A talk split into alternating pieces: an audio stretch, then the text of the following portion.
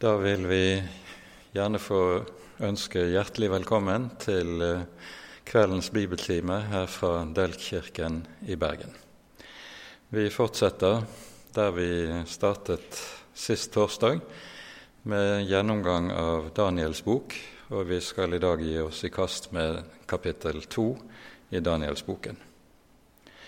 Før vi begynner, så vil jeg bare nevne et par saker til eh, som kunngjøringer. For det første minner vi om at i morgen eh, 1. mai-møte, som vanligvis holdes på Klepp på Jæren, det vil gå også som streaming. Det betyr at det første møtet klokken 18.00 det sendes her fra Kirken i Bergen. Det undertegnede som da taler over temaet 'Til mann og kvinne skapte han dem'. Det neste møtet det blir klokken 19.30.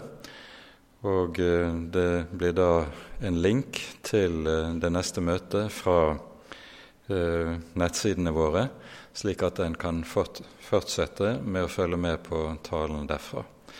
Det er da sekretær ved, i Salem i Stavanger som taler på det andre møtet og hans tema er hentet fra Daniels boks tredje kapittel. Ellers vil vi fortsette med vanlig streaming av gudstjeneste eh, kommende søndag klokken 11. Og velkommen til å følge med på, også på gudstjenesten der. La oss nå be sammen før vi går videre og går inn i Guds ord. Herre du hellige og levende Gud. Vi takker og lover deg at du er vår Gud, og du har gitt oss nåde og rett til å få kalle deg vår Far. Takk at i din elskede Sønn har du gitt oss adgang inn hos deg som barn, og at du har lovet å dra omsorg for oss i alle ting. Takk for at du har gitt oss syndenes forlatelse i din elskede Sønn. Og takk at det Jesus gjorde i vårt sted, det står fast for ditt ansikt gjennom alle tider. Nå ber vi, gode Herre, du som er himmelens og jordens Herre, at du vil være hos oss med din Hellige Ånd, at du vil gi lys i Ordet, for at vi kan lære deg å kjenne på rette måte. Herre, forbarm deg over oss. Amen. Sist gang gikk vi igjennom det innledende kapitlet i Daniels bok, der vi får høre hvordan det går til at Daniel og hans tre venner føres til Babel med den første gruppen av landflyktige som uh, føres dit av Nebukadnesa etter at han har fått makten i Midtøsten, og det babylonske verdensriket uh, overtar herredømmet i hele regionen etter at det asyriske verdensriket er slått på slagmarken. Når Daniel og hans venner Eh, slik allerede i år 605 før Kristus føres til Babel for å bli tjenere ved Nebukadnesas hoff. Så skjer det etter den profetien som er uttalt hos profeten Jesaja allerede 100 år tidligere. Vi leser om dette i Jesaja-bokens 39. kapittel, der vi hører om vårledes kong Hiskia hadde vært dødssyk, og så leges han av Herren, hvorpå det kommer en diplomatisk delegasjon fra Babylon for å gratulere Hiskia, og sannsynligvis også for å undersøke eh, hvor interessant Juda rike er som alliert i kampen mot det asyriske riket. Og når eh, Babylon, den babylonske delegasjonen har vært vist om i Jerusalem og i Jerusalems palasser, så kommer det et ord fra profeten Jesaja til eh, kongen. Og vi leser fra Jesaja kapittel 39. Hør Herren, herskarenes Guds ord. Se, de dager kommer da alt det som er i ditt hus, og alle de skatter dine fedre har samlet helt til denne dag, skal føres bort til Babel. Det skal ikke bli noen ting tilbake, sier Herren. Og blant dine sønner som skal stamme fra deg, som du skal være far til, skal det være noen som blir tatt til hoffmenn i palasset hos kongen i Babel. Og Det vi her har lest, det går altså bokstavelig i oppfyllelse i det vi hører om Daniels venner som føres til Babylon, og det neste som sies om Jerusalems skatter og tempelets skatter, det går i oppfyllelse når Jerusalem legges i ruiner 20 år senere, når Nebukadnesar med spissen for den babylonske hæren inntar Jerusalem og legger byen i ruiner. Da har altså Daniel allerede vært i eh, Babylon innpå eh, 20 år, 17 år nøyaktig. Eh, og han er ved dette tidspunkt opphøyet til en meget høy og ledende stilling i det babylonske riket. Og Bakgrunnen for Daniels opphøyelse det er nettopp det vi hører om her i det andre kapittelet i Daniels bok. Det andre kapittelet i Daniels bok er uhyre betydningsfullt, fordi det er dette kapittelet som danner grunnlaget for og utgangspunktet for alt det vi videre hører i Daniels bok. Både i historisk forstand Vi nevnte jo sist bibeltime at de seks første kapitlene i Danielsboken er historiske kapitler som omhandler enkeltbegivenheter, sentrale begivenheter i Daniels liv. Bakteppet for disse begivenhetene eh, er angitt allerede her i kapittel to, i den historiske første halvdel av kapittelet. Andre halvdel av Danielsboken, som begynner med kapittel 7, det er den profetiske halvdelen, den halvdel som inneholder synene. Og de syner som vi hører om fra kapittel 7 av og videre ut gjennom boken, de er, kan forstås alle sammen som utleggelse av dette grunnleggende synet som vi møter her allerede i det andre kapittelet. Så det betyr altså at dette kapittel to i Danielsboken er overmåte sentralt om en vil forstå boken rett i sin sammenheng. Vi gjør det nå, Kapittel to er et ganske langt kapittel, og vi gjør det nå slik at vi eh, til å begynne med vil lese første halvdel av eh, dette kapitlet frem til Daniel eh, utlegger synet for kong Nebukadnesa. Vi leser i Jesu navn. I sitt andre regjeringsår hadde Nebukadnesa drømmer som gjorde hans ånd urolig, og han fikk ikke sove. Kongen lot da kalle til seg spåmennene, åndemanerne, trollmennene og kaldeerne, for at de skulle fortelle kongen hva han hadde drømt. De kom og trådte frem for kongen, og kongen sa til dem, Jeg har hatt en drøm, min ånd er rystet. Jeg vil vite hva jeg har drømt. Kaldeane sa da til kongen på arameisk, Kongen leve evinnelig. Fortell dine tjenere drømmen, så skal vi gi deg tydningen. Kongen svarte og sa til kaldeerne, dette mitt ord står fast. Hvis dere ikke forteller meg drømmen og hva den betyr, så skal dere hogges i stykker, og husene deres skal bli gjort til en skraphaug. Men dersom dere kunngjør meg drømmen og tyder den for meg, Da skal dere få rike gaver og stor ære av meg. Si meg derfor drømmen og tyden for meg. De svarte da andre gang, vil ikke kongen fortelle sine tjenere drømmen, så skal vi si hva den betyr.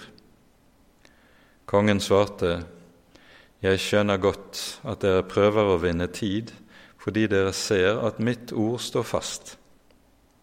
Hvis dere ikke forteller meg drømmen, er det bare én dom for dere alle. Men dere er blitt enige om å fortelle meg en skammelig løgn, i håp om at tidene skal forandre seg. Fortell meg derfor drømmen, så vet jeg at dere også kan si meg hva den betyr. Kaldeerne svarte kongen, det er ikke ett menneske på jorden som kan si kongen det han vil vite. Aldri har noen konge, hvor stor og mektig han enn var, krevet noe slikt av en spåmann eller åndemaner eller kaldeer. Det kongen krever, er altfor vanskelig.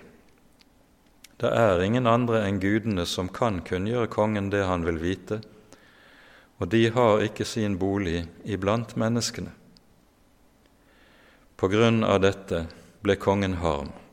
Han ble meget vred, og han at all, befalte at alle Babels vismenn skulle drepes. Da befalingen om å drepe vismennene var utstøtt, lette de også etter Daniel og hans venner for å drepe dem. Daniel vendte seg da med kloke og forstandige ord til Arjok, høvdingen for kongens livvakt, som var dratt ut for å drepe Babels vismenn. Han tok til orde og spurte Arjok, kongens høvedsmann, hvorfor har kongen gitt denne strenge befalingen? Arjok fortalte så Daniel hvordan det hadde seg. Da gikk Daniel inn og ba kongen om at han ville gi ham en frist, så han kunne kunngjøre tydningen for kongen. Deretter gikk Daniel til sitt hus og fortalte sine venner Hananya, Mishael og Asarya det som var hendt, for at de skulle be himmelens Gud at han i sin barmhjertighet ville åpenbare denne hemmeligheten, så ikke Daniel og hans venner skulle bli drept sammen med Babels andre vismenn. Da ble hemmeligheten åpenbart for Daniel i et syn om natten, og Daniel priste himmelens Gud. Daniel tok til orde og sa:" Lovet være Guds navn, fra evighet og til evighet for visdommen og styrken hører ham til. Han omskifter tider og stunder. Han avsetter konger og innsetter konger. Han gir de vise visdom og de forstandige forstand. Han åpenbarer det dype og skjulte. Han vet hva som er i mørket, og hos ham bor lyset. Jeg takker og priser deg, mine fedres Gud, fordi du har gitt meg visdom og styrke. Nå har du gjort kjent for meg det vi ba deg om, det kongen vil vite, har du kunngjort for oss. Så gikk Daniel til Ajok, som kongen hadde gitt befaling om å drepe Babels vismenn. Han kom og sa til ham, Drep ikke Babels vismenn. Før meg inn til kongen, så vil jeg kunngjøre tydningen for kongen. Arjok førte da i hast Daniel inn for kongen og sa til ham, Jeg har funnet en mann blant de bortførte fra Juda som vil kunngjøre tydningen for kongen. Vi stanser der foreløpig. Det vi altså hører om her, det er at Nebukadnesar har hatt drømmer, nattlige drømmer, som har skapt meget stor uro hos ham. Så er problemet det at trass i all uro, så klarer ikke Nebukadnesar å huske hva det er han har drømt. Og så forlanger han da av sine drømmetydere, sine sannsigere, sine trollmenn Det er det de ulike ordene som, eller benevnelsene på dem her eh, innebærer. Han forlanger at de skal både fortelle ham hva han har drømt, og de skal fortelle hva drømmen betyr. Denne drømmen, står det, er noe som Nebukadnesar har hatt i sitt andre år. Hva som nøyaktig menes eller det siktes til med det andre året, vet vi ikke, men sannsynligvis sikter det til det andre året etter at han fikk eneherredømme i det babylonske riket. Hvis vi da ser det i sammenheng med det vi hører i det første kapittelet i Daniels bok, så betyr det at Daniel og hans venner da er helt på slutten av den opplæringstiden som Nebukadnesa hadde satt for dem, før de skulle gå inn i tjeneste ved hoffet hos, hos ham. Det at Nebukadnesa kaller til seg sine trollmenn, sine åndemannere og kaldeere, som de kalles for, det er noe som var meget typisk og et meget viktig trekk ved babylonsk religion. Og Her er det vi ser et av de helt sentrale og avgjørende trekkene som gjør Israel forskjellig fra hedningefolkene. Den slags kunster som det gjerne kalles for flere sammenhenger i Skriften, var absolutt forbudt i Bibelen. Og eh, Vi kan lese et par tekster som sier dette meget tydelig og klart for oss. Den ene finner vi i eh, Fjerde Mosebok, kapittel 23. Eh, der Gud taler gjennom Biliam og sier følgende Gud er ikke et menneske så han skulle lyve, heller ikke et menneskebarn så han skulle angre. Skulle han si noe og ikke gjøre det? Skulle han tale og ikke sette det i verk?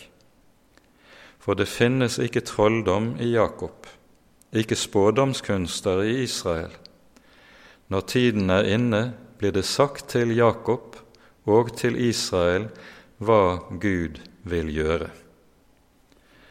Samme sak er det vi også hører om i 5. Moseboks 18. kapittel, der vi hører et absolutt forbud mot alle former for spådomskunster, altså det som vi gjerne kaller ulike typer okkulte vitenskaper eller kunster.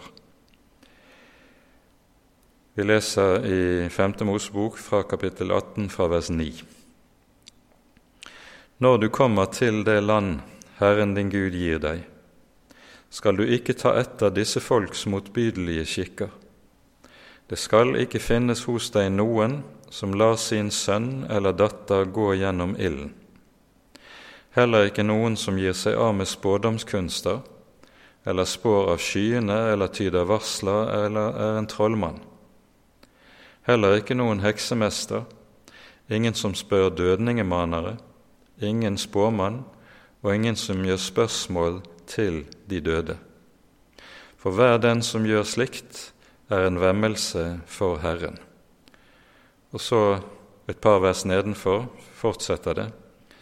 En profet av din midte av dine brødre like som meg, skal Herren din Gud reise opp for deg, på ham skal dere høre.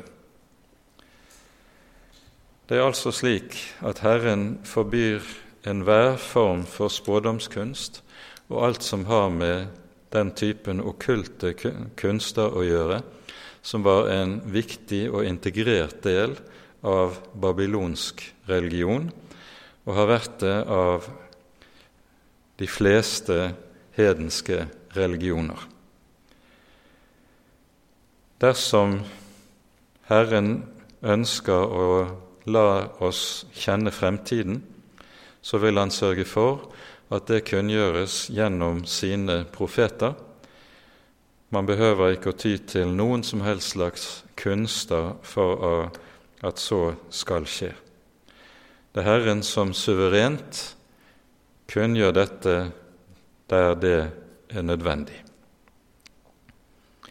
Vi kommer tilbake til dette, for nettopp i denne perioden i Israels historie, der Israel eh, står eh, i den historiske storm som verdensrikene brakte inn over folket. Nettopp i denne perioden blir profetiene om fremtiden gjennom profetene en viktig side ved profetenes virksomhet. Dette ser vi allerede hos profeten Jesaja fra det 40. kapittel av og utover. Vi kommer tilbake til det. Og Dette er også altså en sentral side ved det vi hører i Daniels bok. Når Nebukadnesar nå tilkaller sine spåmenn, er de fullstendig hjelpeløse i forhold til det som er Nebukadnesars forlangende. Og eh, vi kan godt forstå det, at de både skal fortelle ham hva han har drømt, den drømmen kongen har glemt, og så etterpå kunngjøre tydningen. Det er klart at det kan gjøre en ganske hjelpeløs. Og spåmennenes hjelpeløshet kommer tydelig til uttrykk i eh, det ellevte verset her i kapittel to. Det kongen krever, er altfor vanskelig. Det er ingen andre enn gudene som kan kunngjøre kongen det han vil vite, og de har ikke sin bolig blant menneskene. Og Med dette så sier de både at deres egne kunster ingenting duger i forhold til Nebukadnesas forlanger, ei heller er gudene slike som er i stand til å hjelpe. For gudene bor ikke blant menneskene, sies det. Og nettopp her er Bibelens Gud stikk i annerledes enn disse guder som det her er tale om. Dette innebærer at noe av det som er hovedsaken som vi står overfor her i kapittel 2, det er en åndskamp der hedenskapet møter Israels Gud. Vi har en parallell til dette i det som berettes om Israels folk i forbindelse med utgangen av Egypt. Når det gjelder påskenatten, som, om, som omtales i 2. Moseboks 12. kapittel, så sies det der uttrykkelig om den siste og den tiende landeplagen, så sier Herren over alle Egyptens guder vil jeg holde dom. Og Det er nøyaktig det samme som skjer her med synet som Daniel blir gitt å tyde. Det er samtidig en dom over alle Babylons guder og alle disse gudenes tjenere og spåmenn. Når lederen for livvakten kommer for å samle inn alle disse som skal henrettes, Arjok, så hører vi at han er høvding for kongens livvakt. Uttrykket som anvendes her, er ganske drastisk etter grunnteksten. Det betyr bokstavelig 'sjefen for slakterne'. Og Det sier litt om hva slags oppdrag det er han er sendt ut i. Daniel gripes ikke av panikk i møte med det som er kongens befaling. Han er trygg i sin tro og i sin tillit til Herren, og ber bare om å få lov til å tre frem for kongen, om å få en frist, slik at de kan be til Herren sin Gud om å få hjelp til det kongen har bedt om. Så skjer. denne bønnen blir innvilget. Og så hører vi Daniel vende tilbake til sine tre venner, og de fire påkaller sammen Herren sin Gud. Og samme natt er det da Herren åpenbarer for Daniel hemmeligheten, som det sies, åpenbarer for Daniel både hva Nebukadneser har drømt, og hva betydningen av denne drømmen er. Og så er det vi da hører Daniels takkebønn fra vers 20 til og med vers 23.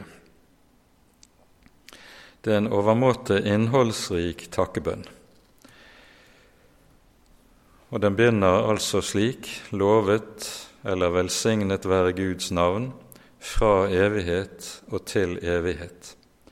For visdommen og styrken hører ham til. Nøyaktig det samme er det Daniel også bekjenner for Nebukadnesa når han senere føres frem for kongen. Visdommen hører Herren til. Det er ikke noe som ligger i da, innenfor Daniels egne evner og muligheter. Når det i vers 21 sies 'Han omskifter tider og stunder', han avsetter konger og innsetter konger, så er det en understrekning av noe som er helt sentralt hos alle profetene fra og med Jesaja av, nemlig at Gud er historiens herre. Historien styres ikke av tilfeldigheter. Historien styres ikke av mektige konger. Historien styres av Herren, fordi Han er himmelens og jordens skaper. Han har alle ting i sin hånd og styrer historien etter sin vilje og frem mot det som er hans mål. Og nettopp dette er det synet eller drømmen til Nebukadnesa dreier seg om. Den dreier seg om just hvorledes Gud vil styre historien frem til det som er målet, at Guds rike opprettes her på jorden. I um, det 22. verset står det slik.: Han åpenbarer det dype og skjulte han vet hva som er i mørket, og hos ham bor lyset. Dette siste som vi hører i dette verset, det er en meget viktig uttrykk i eh, jødisk Messias-forventning. Når det står 'hos ham bor lyset', så er det arameiske ordet for lyset nehora. Og nehora, det er et Messias-navn i den jødiske Messias-forventningen. Messias er lyset. Og når det står 'hos ham bor lyset', så er det i spekulasjonen som en finner hos rabbinerne om dette, det er et lys som bor hos den allmektige allerede før verdens skapelse, og det er dette lys som skinner, og som omtales både i Jesaja-bokens niende kapittel og i Jesaja-bokens sekstiende kapittel, der det sies til det Guds folk som er under dommen, stå opp, bli lys, for ditt lys kommer til deg. Hos ham bor lyset det er den store trøst for et Guds folk som er i mørket og under dommen, for den tid Daniel lever i, det er nettopp en dommens tid over Guds folk. Så priser og takker Daniel og hans venner Herren, og morgenen efter oppsøkes Arjok og eh, Daniel føres frem for kongen med ordene at uttydningen er gitt. Og Vi leser da videre fra vers 26 i kapittel 2. Kongen tok til orde og spurte Daniel, som hadde fått navnet Beltsasar, er du i stand til å kunngjøre meg den drømmen jeg har hatt, og dens tydning? Daniel svarte kongen, den hemmeligheten som kongen har spurt om, makter ingen vismenn, åndemanere, spåmenn eller tegnstydere å kunngjøre for kongen. Men det er en Gud i himmelen som åpenbarer hemmeligheter. Han har kunngjort kong Nebukadneser hva som skal skje i disse siste dager. Dette er drømmen og synene du hadde i ditt indre mens du hvilte på ditt leie. Da du lå på ditt leie, konge, steg det opp hos deg tanker om hva som skal skje i fremtiden. Han som åpenbarer hemmeligheter, kunngjorde for deg det som skal skje. For meg er denne hemmeligheten blitt åpenbart, ikke fordi jeg eier noen visdom fremfor alle andre som lever, men for at tydningen skulle bli kunngjort for kongen, og du skulle få vite ditt hjertes tanker. Konge, du så i synet en veldig billedstøtte. Det var en meget stor billedstøtte, og den skinte med strålende glans. Den sto like foran deg og var et fryktinngytende syn. Billedstøttens hode var av fint gull, brystet og armene av sølv, buken og hoftene av kobber, benene av jern, føttene dels av jern og dels av leire.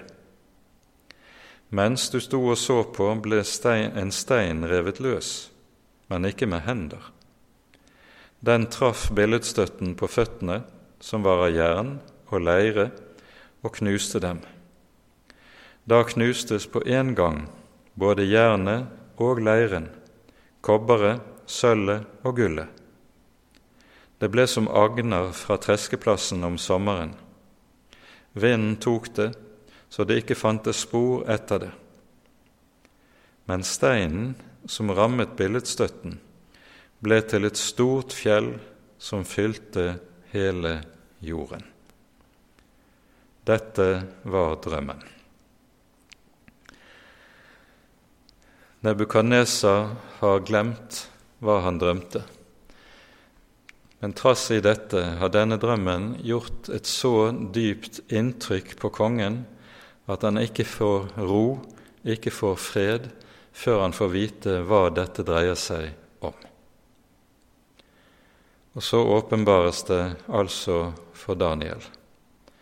Og Daniel gjør klart for kongen at det er ikke han selv å takke for det, det er ikke Daniel som har evne eller klokskap utover det andre mennesker har. Dette er gitt av Gud. Døperen Johannes sier ved en anledning, slik vi leser det i Johannesevangeliets tredje kapittel, intet menneske kan få noe uten at det er gitt ham ovenfra. Og Dette stadfestes med full styrke nettopp i det vi her hører om Daniel. Jeg tror vi også har lov til å ta med ordene Jesu ord fra Matteusevangeliets ellevte kapittel, der Jesus takker Gud og sier:" Jeg priser deg, Fader, himmelens og jordens skaper, at du har skjult dette for de vise og forstandige, og åpenbart det for de umyndige. Nettopp dette er det som har skjedd. Ingen av Babylons vise er i stand til å hjelpe kongen og fortelle kongen hva som er i drømmen. Men en av de fangne, som hører til det lille og foraktede folket Israel, han er det gitt. Og så stadfestes dette som vi stadig på ny ser i Skriften, at Herren utvelger det som ingenting er, når han skal utføre sin gjerning. Vi får så høre tydningen av drømmen fra vers 36 av og utover. Vi leser. Nå skal vi si kongen hva denne drømmen betyr. Konge, du er kongenes konge, som himmelens Gud har gitt riket og makten og styrken og æren. Menneskenes barn overalt hvor de bor, markens dyr og himmelens fugler. Alt har han gitt i din hånd og gjort deg til herre over dem. Du er hodet av gull. Men etter deg skal det oppstå et annet rike, ringere enn ditt. Så skal et tredje rike av kobber som skal komme, som skal herske over hele jorden. Deretter skal det komme et fjerde rike, som skal være sterkt som jern. Like som jernet knuser og slår alt i stykker, skal dette riket som knusende jern slå i stykker og knuse alle de andre rikene. Men når du så at føttene og tærne var dels av pottemakerleire, dels av jern, så betyr det at riket skal være delt rike. Det skal ha noe av jernets styrke i seg, ettersom du så at jern var blandet med leiren. Og det at tærne på føttene var dels av jern, dels av leire, det betyr at riket for en del skal være sterkt, og for en del svakt. Og når du så at jernet var blandet med leire, så betyr det at de skal blande seg med hverandre ved giftermål. Men de vil likevel ikke holde sammen, like som jern ikke blander seg med leire. Og i disse kongers dager vil himmelens Gud opprette et rike som i all evighet ikke skal ødelegges. Dette riket skal ikke bli overgitt til noe annet folk. Det skal knuse og gjøre ende på alle de andre rikene, men selv skal det stå fast i evighet. Du så jo at en stein ble revet løs fra fjellet, men ikke av menneskehender og den knuste jernet, kobberet, leiren, sølvet og gullet. Den store Gud har nå kunngjort kongen det som heretter skal skje. Sann er drømmen, og troverdig er tydningen av den.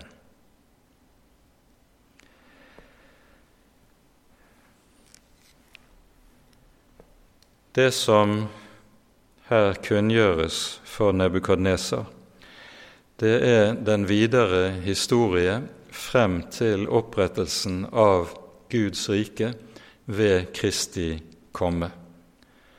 Det skal være et evig rike som ikke skal kunne ødelegges. Og når Jesus taler om dette, så sier han til Peter På deg vil jeg, eller på din bekjennelse vil jeg bygge mitt rike, og dødsrikets porter skal ikke få makten over det. Denne opprettelsen av Guds rike den skjer altså under det siste av de fire verdensrikenes epoke, i Romerrikets epoke. De verdensriker som her omtales for oss i billedlig form under billedstøtten. Det er de verdensrikene som følger. Nebukadnesa, får vi høre, han er hodet av gull. Det babylonske riket, som han representerer, ble stående frem til år 537 før Kristus, da det inntas av det persiske riket ved Kyros og Darius. Det persiske riket det er brystet og armene som er av sølv.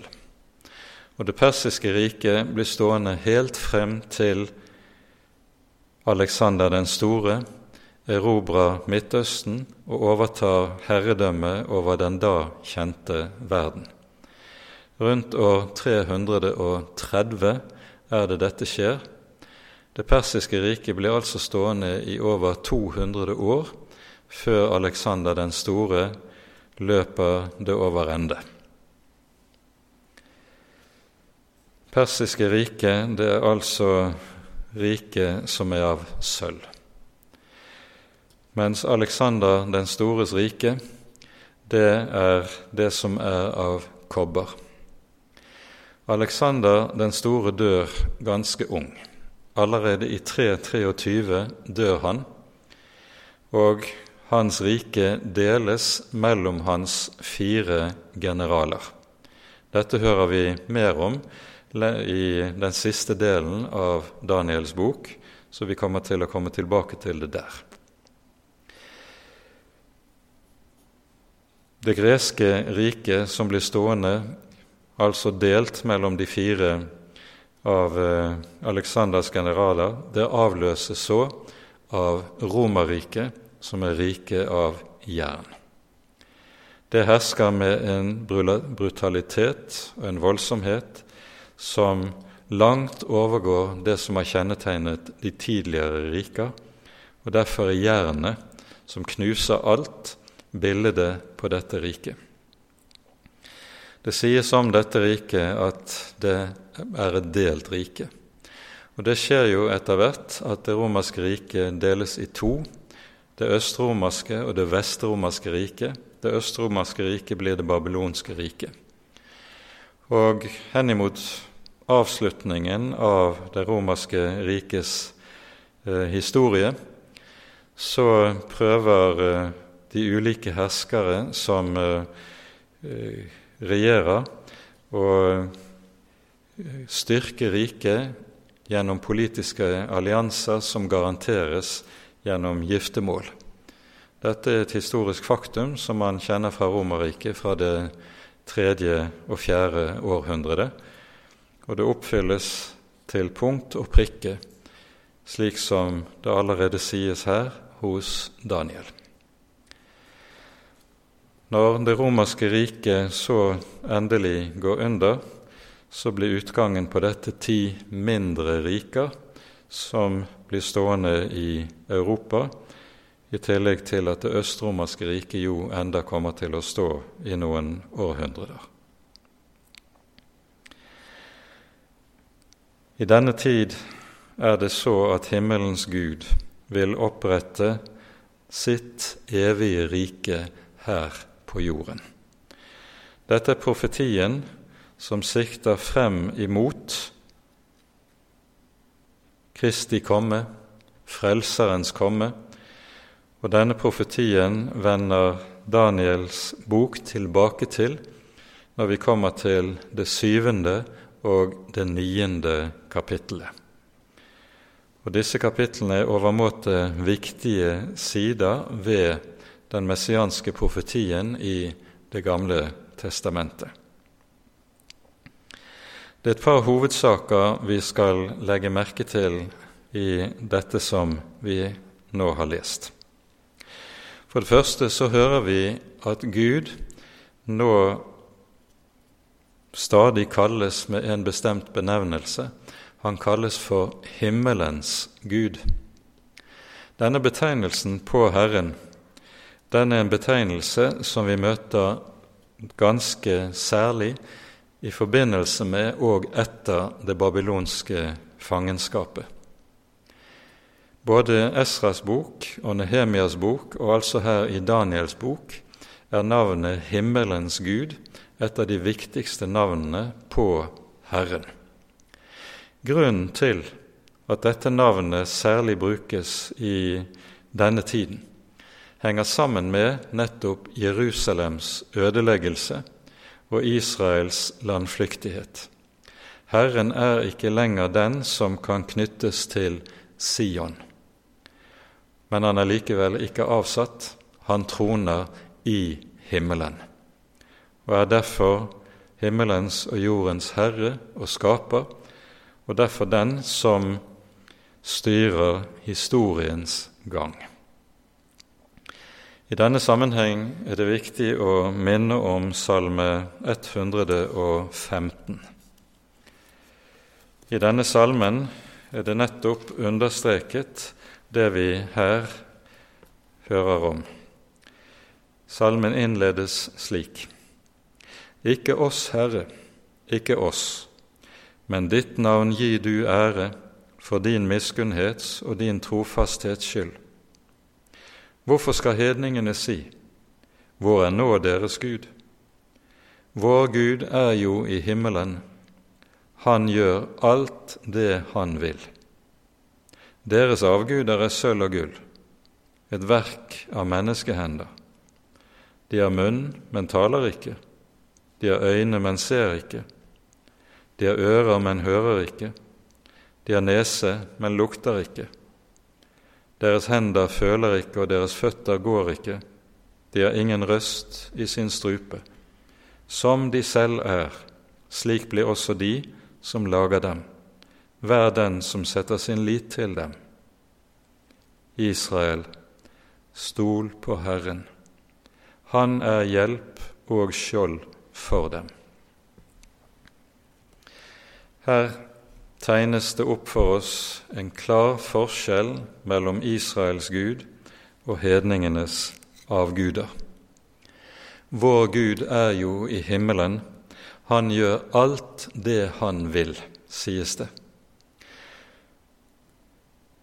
Dette utsagnet henger sammen med det som er grunnbetydningen av ordet himmel.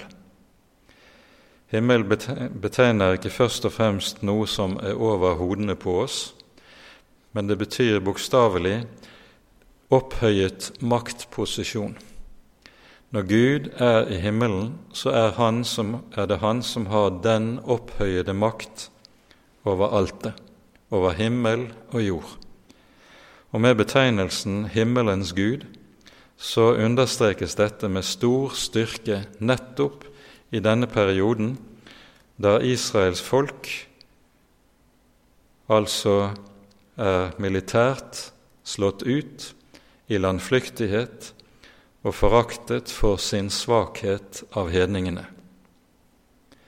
Hedenskapet jo, var jo kjennetegnet ved dette at det folket som hadde de sterkeste gudene, det var også det folk som seiret på slagmarken.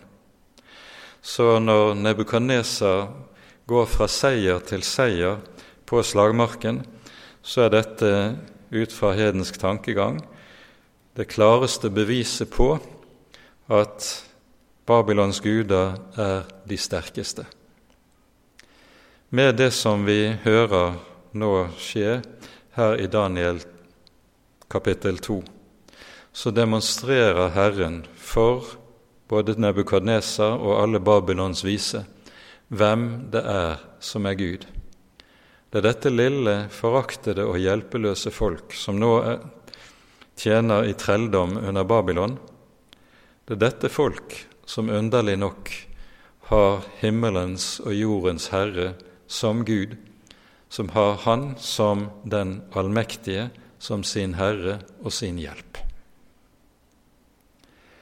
Og Nettopp dette er et hovedpoeng i profetien i hele denne perioden. I verdensrikenes periode, som begynner rundt år 800 før Kristus for Israels vedkommende, det er fra denne tiden av at Israels folk på alvor begynner å trues av de store verdensrikene. På 800-tallet var det det asyriske verdensriket, som deretter avløses av det babylonske verdensriket. Nettopp i denne perioden er det skriftprofetene begynner sitt virke. Joel er antagelig den første av dem, og eh, en, han er en eldre samtidig av Jesaja og Mika, som virker i samme periode under det asyriske verdensrikets trussel. Og hos Joel hører vi om hvorledes fire veldige gresshoppesvermer skal oversverme Israels land og legge landet øde. Dette foregriper profetiene vi her hører hos Daniel. Hos Jesaja, særlig fra kapittel 40 av og utover, hører vi både om hvorledes folket skal føres i fangenskap i Babylon, og hvorledes Herren lover befrielse fra dette fangenskapet, og til og med i det 45. kapittel i Jesaja-boken navngir kong Kyros, Persias konge, som den som skal erobre Babylon og sette det jødiske folk i frihet og la dem vende tilbake til Jerusalem og til sitt eget land. Og Hos Jesaja så understrekes det med veldig styrke at når Herren forutsier dette på forhånd, forutsier det århundret på forhånd, så er dette for å gjøre klart hvem det er som er Gud. Og Dette er altså et hovedtema hos Jesaja. Vi leser et par tekster, først fra Jesaja-bokens 41. kapittel, der vi leser fra vers 21. Kom hit med deres sak, sier Herren. Kom frem med deres bevisgrunner, sier Jakobs konge. La dem komme frem med dem og kunngjøre for oss det som skal hende. Fortell oss om de tidligere ting, så vi kan legge merke til det og lære utfallet å kjenne.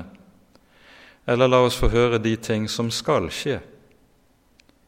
Kunngjør hva som skal komme heretter, så vi kan vite at dere er guder. Ja, gjør noe godt eller noe ondt, så vi med forundring kan se det alt sammen. Se, dere er intet, og deres gjerning er ingenting. Motbydelig er den som velger dere. Og så kommer profetien om eh, befrielsen ved Kyros etter dette. I det 43. kapittel leser vi slik:" La alle hedningefolk samle seg, la alle folkeslag komme sammen.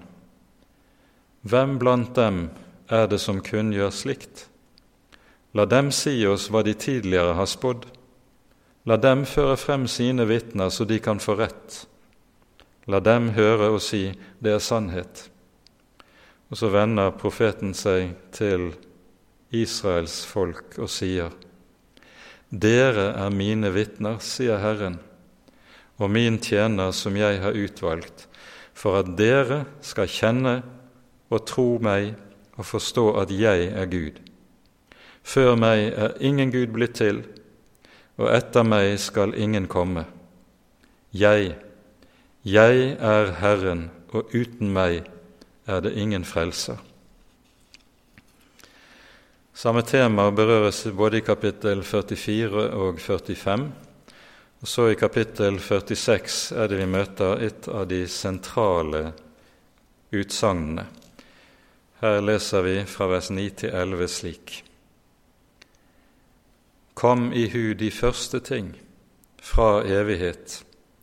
Jeg er Gud og ingen annen. Jeg er Gud, og det er ingen som jeg. Jeg som fra begynnelsen forkynner enden, og fra fordums tid det som ikke er skjedd. Det er jeg som sier, mitt råd skal bli fullbyrdet. Alt det jeg vil, det gjør jeg. Det er jeg som kaller en rovfugl fra Østen, fra et land langt borte, en mann som skal fullbyrde mitt råd.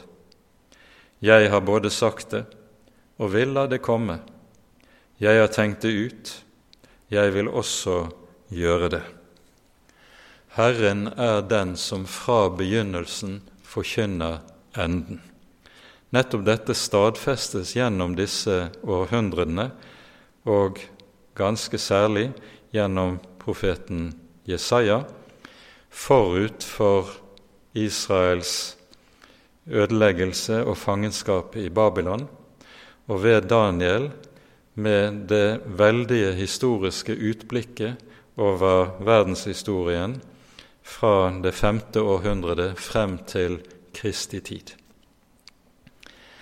Noe av det som er Guds hensikt med nettopp på denne måten å forutsi fremtiden så klart og så tydelig.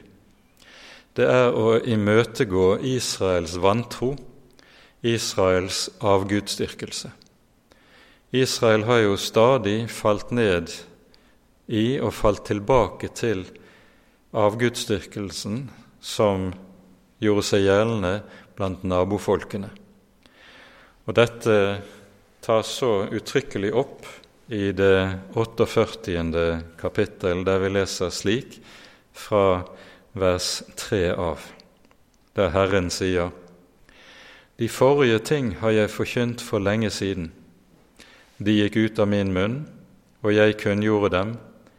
Brått satte jeg dem i verk, og de kom. Fordi jeg visste at du, altså Israels folk, fordi jeg visste at du er hard og din nakke en jernscene og din panne kobber.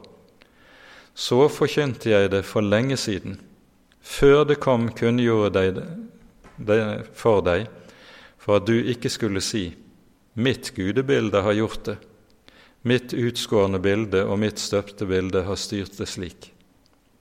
Du har hørt det, nå kan du se det alt sammen, og dere må dere ikke bekjenne det, fra nå av kunngjør jeg noe nytt for deg, skjulte ting som du ikke har visst om.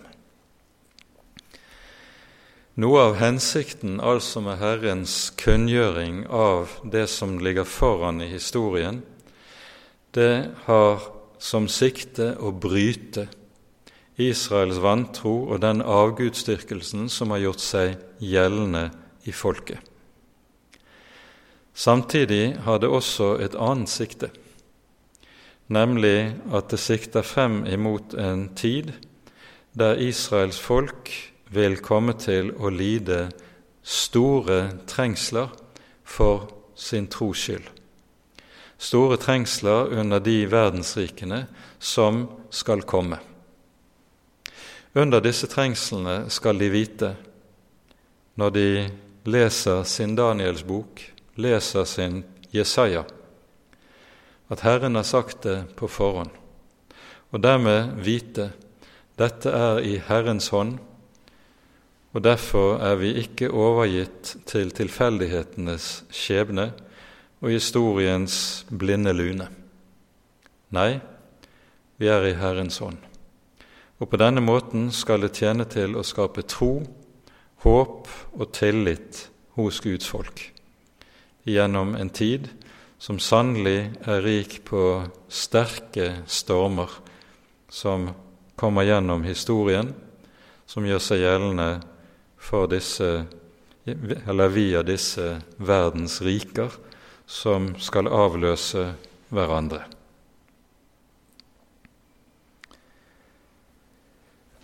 Kapittel to slutter med at Nebukadneser bøyer kne. Vi leser fra vers 46 slik. Da falt kong Nebukadneser på sitt ansikt og hyllet Daniel, og han bød at de skulle bære frem for ham offer og røkelse. Og kongen tok til orde og sa til Daniel, i sannhet, deres Gud er gudenes Gud og kongenes Herre. Han er den som åpenbarer hemmeligheter siden du har kunnet åpenbare denne hemmeligheten.